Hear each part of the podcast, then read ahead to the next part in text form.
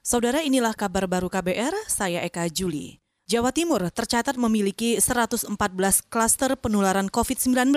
Jumlah kasusnya mencapai lebih dari 2.000 berdasarkan data per 7 Juli. Tim pakar gugus tugas percepatan penanganan COVID-19 Dewi Nur Aisyah mengatakan, dari jumlah klaster yang ada, sebanyak 20 klaster merupakan klaster tempat kerja dengan jumlah kasus mencapai 270-an. Data ini menunjukkan penularan melalui transmisi lokal sangat masif di tempat kerja. Dewi Nur Aisyah juga menekankan keharusan menerapkan protokol kesehatan sepanjang waktu, termasuk saat makan siang maupun sewaktu berada di transportasi publik ada titik-titik kritis yang kita kadang lupa pada saat makan dokter Lula. Iya. Kalau makan buka masker masih ngobrol kanan kiri kira-kira gimana tuh? Iya. Nah, itu yang harus kita hindari juga ada titik kritis maka pada saat makan siang iya. dan yang kedua titik kritis pada saat kalau misalnya orang bekerja nih ya dokter Lula iya. moda transportasi umum. Mm-hmm. Nah, ini kadang ketika di transportasi umum mungkin di kantornya sudah menerapkan protokol kesehatan dengan ketat, mm-hmm. tapi pada saat di perjalanan bisa saja terinfeksinya. Itu tadi tim pakar gugus tugas COVID-19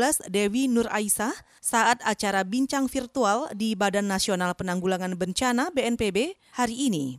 Selain klaster tempat kerja, Dewi juga menyoroti klaster pasar tradisional di Jawa Timur yang berjumlah 31 klaster dengan hampir 200 kasus orang positif COVID-19. Menurutnya, tingginya kasus disebabkan kepadatan warga dan sirkulasi udara yang buruk.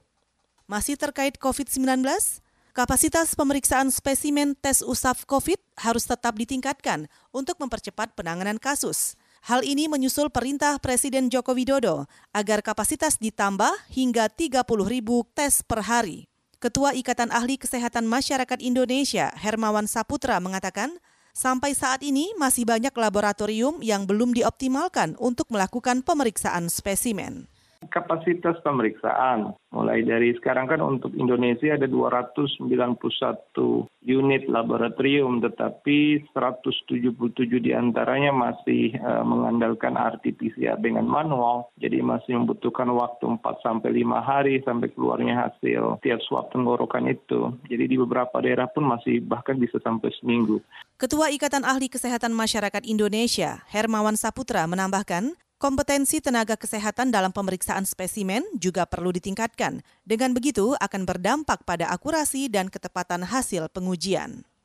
Kita ke dunia olahraga. Ganda putra terbaik Indonesia, Gracia Poli dan Apriani Rahayu memetik poin penuh di pertandingan perdana turnamen internal PBSI. Namun, mereka memenangi laga bersama pasangan berbeda. Gracia dan Apri misalnya dipisah untuk memperketat kompetisi, mengingat kemampuan mereka berdua di atas ganda lain. Gracia berduet dengan juniornya, Feby Valencia, membuka sesi pertama dengan kemenangan telak atas Kelly Larissa Safira Nurul dengan skor 21-10, 21-9.